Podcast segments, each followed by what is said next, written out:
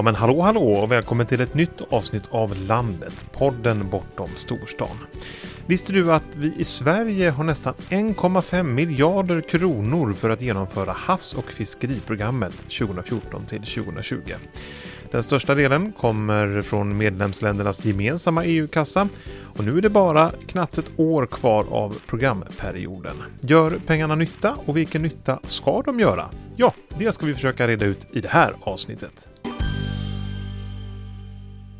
Och jag har med mig tre gäster runt bordet eh, den här gången och jag tänkte vi skulle börja med en eh, presentationsrunda. Jag heter Madeleine Wetterskog och jag jobbar här på Jordbruksverket med utvärderingar för havs och fiskeriprogrammet. Jag heter Lina Andersson och jag är chef för EU-programenheten här på Jordbruksverket. Och där sitter delvis kansliet för landsbygdsnätverket och sen har vi en programledning som håller ihop bland annat havs och fiskeriprogrammet. Och jag heter Hans-Olof Stålgren och jobbar som samordnare på landsbygdsnätverket eh, och har dels rollen i en grupp som arbetar med fiske och vattenbruk eh, och sen unga på landsbygden och sen så också en roll i den EU-strategi för Östersjöregionen med sikte på fiske och vattenbruk. Ja, välkomna hit alla tre. Om vi börjar då med dig då Lina. Eh, Jordbruksverket ansvarar för att pengarna förvaltas och att resultaten följs upp på ett bra sätt.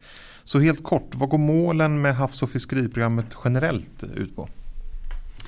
Ja, i grunden så är ju detta en EU-gemensam fiskeripolitik där man ska se till att man förvaltar havsmiljöer, våra vattendrag på ett bra sätt. Eh, så det handlar om dels miljön, ta hand om ekosystemtjänster som havet och sjöarna kan bidra med.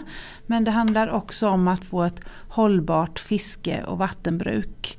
Och då menar jag både ett konkurrenskraftigt och miljömässigt hållbart, även socialt hållbart. Så att eh, det är flera olika delar som genomförs på lite olika sätt. Hans-Olof, Landsbygdsnätverket samlar ju aktörer och jobbar för att nå här, dessa mål.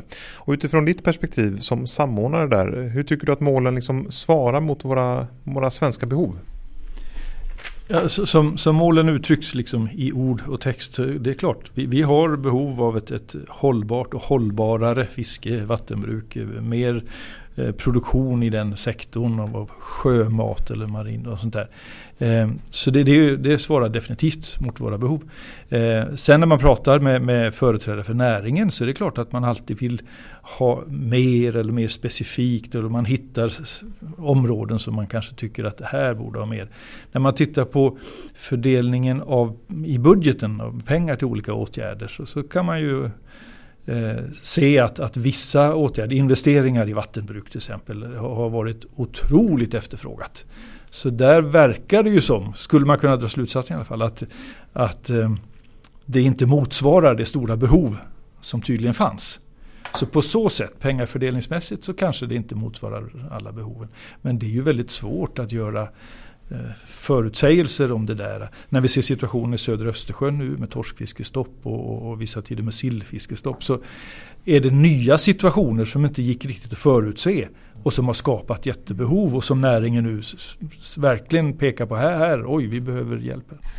Jag kan flika in när det handlar om utvärderingar och vi har tittat på just investeringsstöden för vattenbruken och där såg man att det var förhållandevis lite eller låg andel dödvikt. Eh, och när vi pratar om dödvikt handlar det om att det var eh, att företagen själva skulle kunnat investera. Men här visar vi att stöden hade väldigt liten dödvikt så att faktum är att pengarna gör kommer till nytta där. Mm.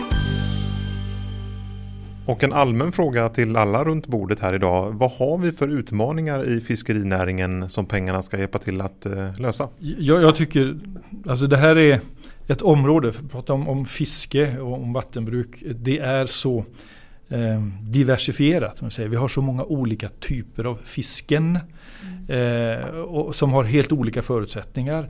Vi har olika typer av vattenbruk. Så det är väldigt svårt att prata generellt egentligen. Vi, vi har ett, ett fiske, det, det, som vi kallar pelagiska fisket, som det säger det storskaliga, alltså sill, strömming, eh, rätt så stora båtar och så här. De, de har ekonomiskt sett en, en god lönsamhet, eh, unga företagare och ser positivt på framtiden. Vi har ett kustnära fiske, särskilt i södra Östersjön, som kämpar för sin överlevnad. Eh, vi, vi, har ett insjöfiske som på sina ställen mår bra och har god lönsamhet. Vi har vattenbruk eh, både i kassar eh, och, och eh, öppna kassar men vi har också det här landbaserade. Alltså det är så mycket olika. Mm. Så utmaningarna ser också olika ut. Men jag, jag tänker att de, den stora utmaningen vi har inom det här området och den utmaningen som EU ser generellt det är ju den stora miljöutmaningen att klara eh, hållbara vatten, alltså hur klarar vi våra havsmiljöer, våra sjöar så att vi har en bra miljö där. Eh, och där läggs ju väldigt stor del av pengarna. Och inte minst för Sverige som har en väldigt hög svansföring när det gäller just miljödelarna. Eh, men man kan ju också säga att programmet kan inte klara allt det här. I Sverige handlar det om en och en halv miljard. Det är väldigt lite i förhållande till alla de utmaningar som finns. Eh, men eh, då kan man ju också se att vi ska jobba med eh, de här eh, stora delarna med miljön. Det handlar om vattenmiljöer, det handlar om näringsläckage från vattenbruk. Eh, det kan handla om selektivt fiske. Och här krävs det ju också mycket kunskapsutbyggnad. När vi pratar om just miljöproblemen så måste man ju också understryka att det handlar ju om att det är ett gemensamt problem. Det är inte bara Sverige som har ansvar för det utan just eh, transnationella samarbeten känner jag liksom är väldigt viktigt.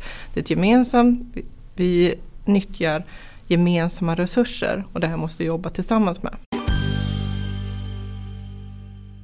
Och Lina, det är ju ett eh, knappt år kvar nu av eh, perioden.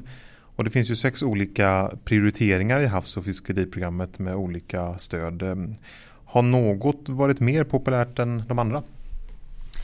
Ja, vi har sex prioriteringar. Det handlar om hållbart fiske, hållbart vattenbruk och det handlar om beredning. Det handlar om datainsamling, kontroll, lokalt ledd utveckling genom LIDE-metoden och sen det här med mer havsnära förvaltning av våra hav. Och där kan man säga att de tre första, det vill säga hållbart fiske, vattenbruk och beredning som är mer eller mindre företagsstöd.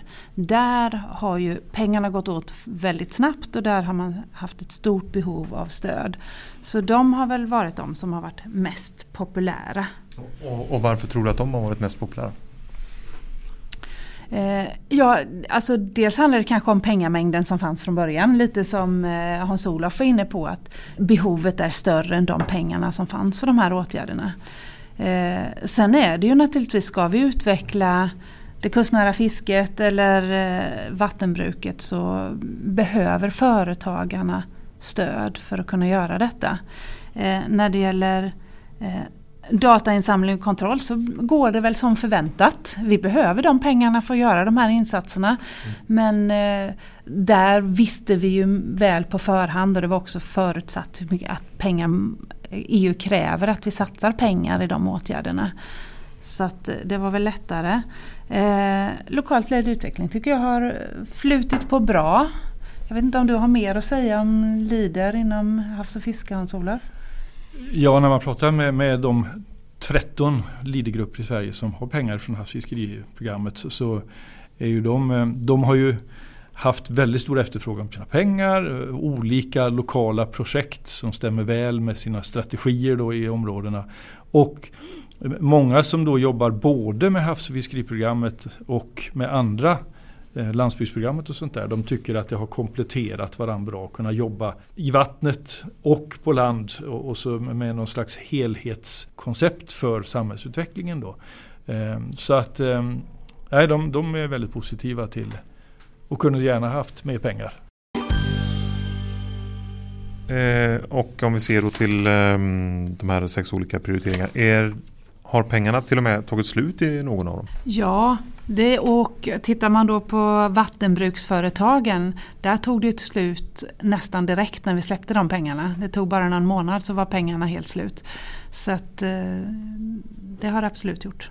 Och fanns det för lite pengar i den, på den avdelningen då så att säga? Eller? Ja, i förhållande till behoven ja. gör det ju naturligtvis det. Absolut. Och, och hur, hur, kan man liksom tänka kring det till nästa gång?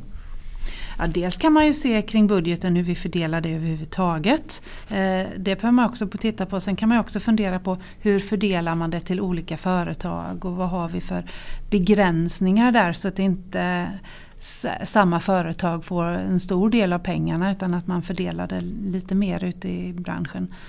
Eh, det är nog sånt som vi behöver titta på.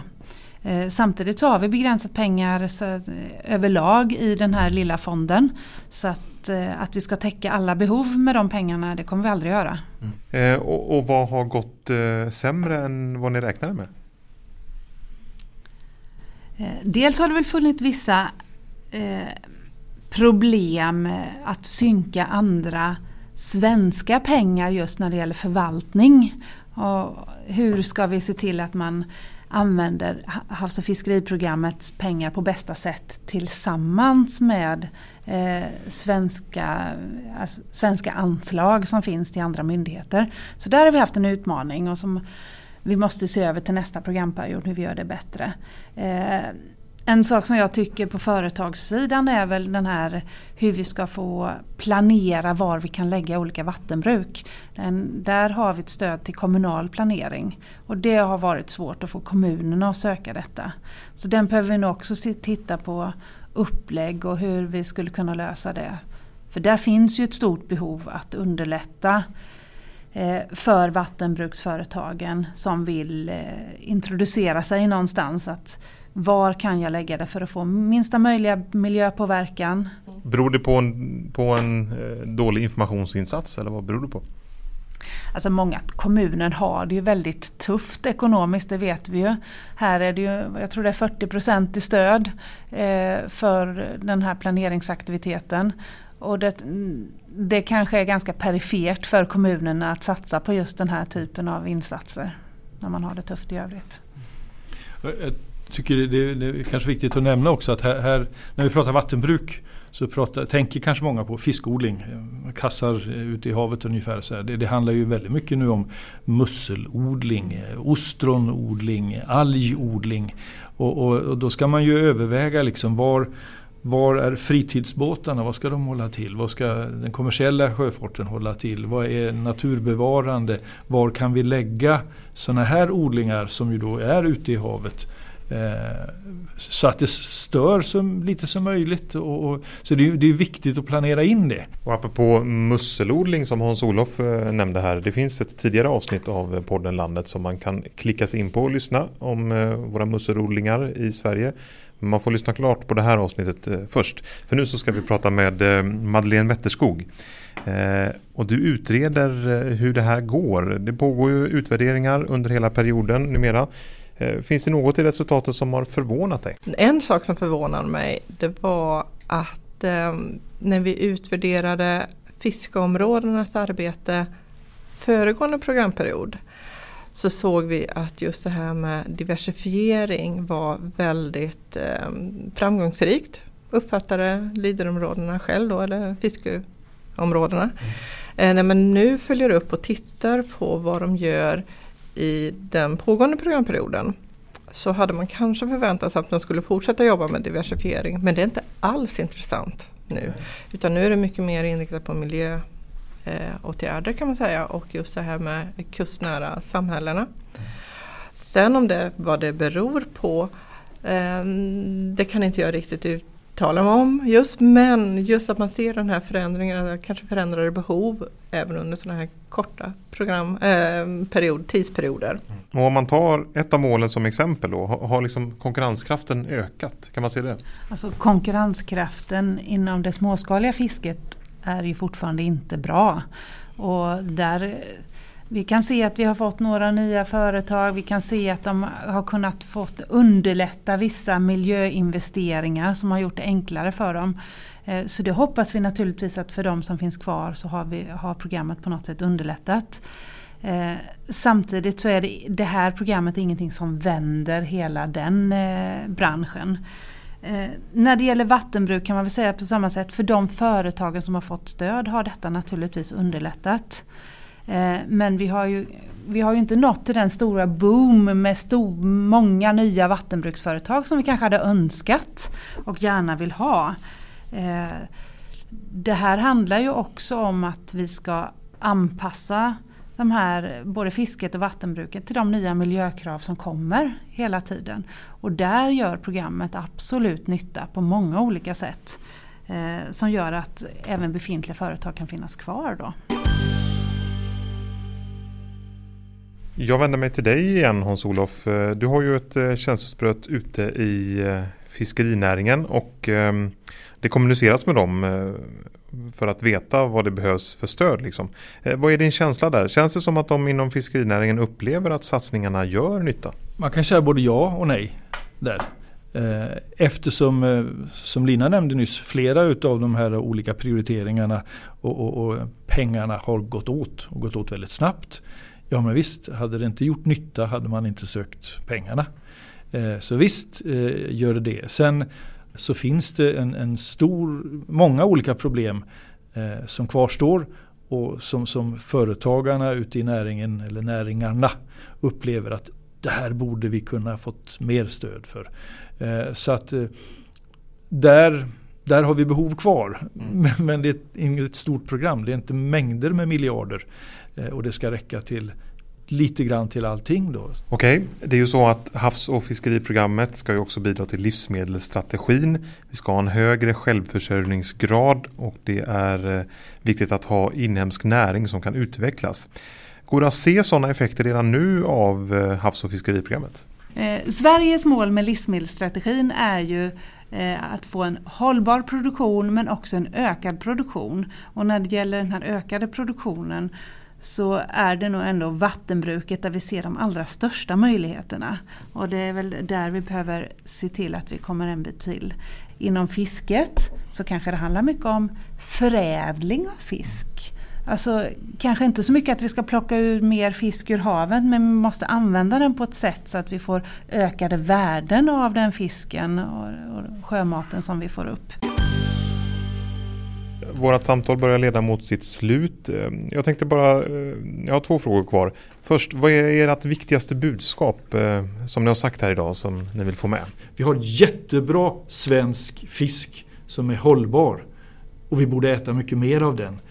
Och Lina, du skriver frenetiskt där borta på en lapp här och filar på ditt budskap är det viktigaste. Nej men jag tänker att i grunden handlar ju det här om att vi ska ha levande hav och sjöar. Det, det, är grunden i allt detta. Vi måste nå dit. Annars har vi inget fiske heller framöver. Så kan vi inte få det så att vi tar hand om våra vatten i första hand och då behöver vi också ha koll på hur mår våra hav, hur mår våra sjöar eh, och sen behöver vi då ha koll på hur sker fisket? Sker det på ett hållbart sätt? Där har vi mycket bidrag.